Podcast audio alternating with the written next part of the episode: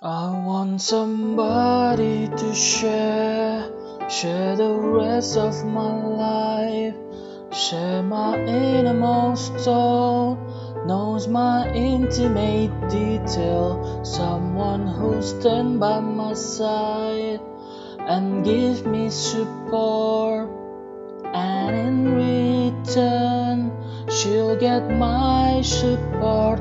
She will listen to me when I want to speak about the world we live in and life in general. Though my talk may be wrong, they may even be perverted. She healed me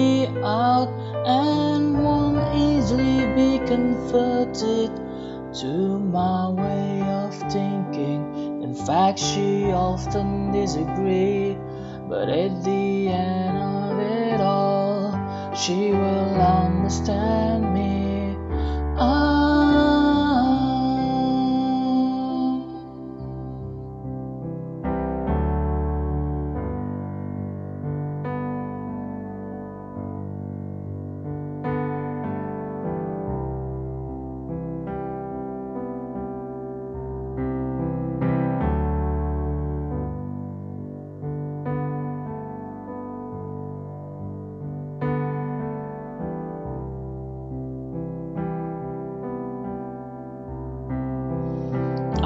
Want somebody who care for me passionately with every talk and with every breath. Someone who helped me sitting in a different light.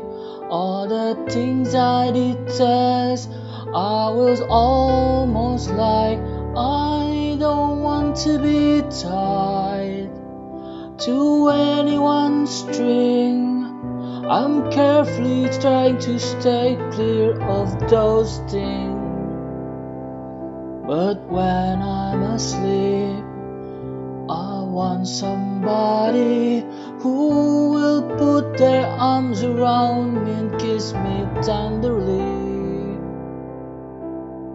Though things like this is make me sick. In a case like this, I'll get away with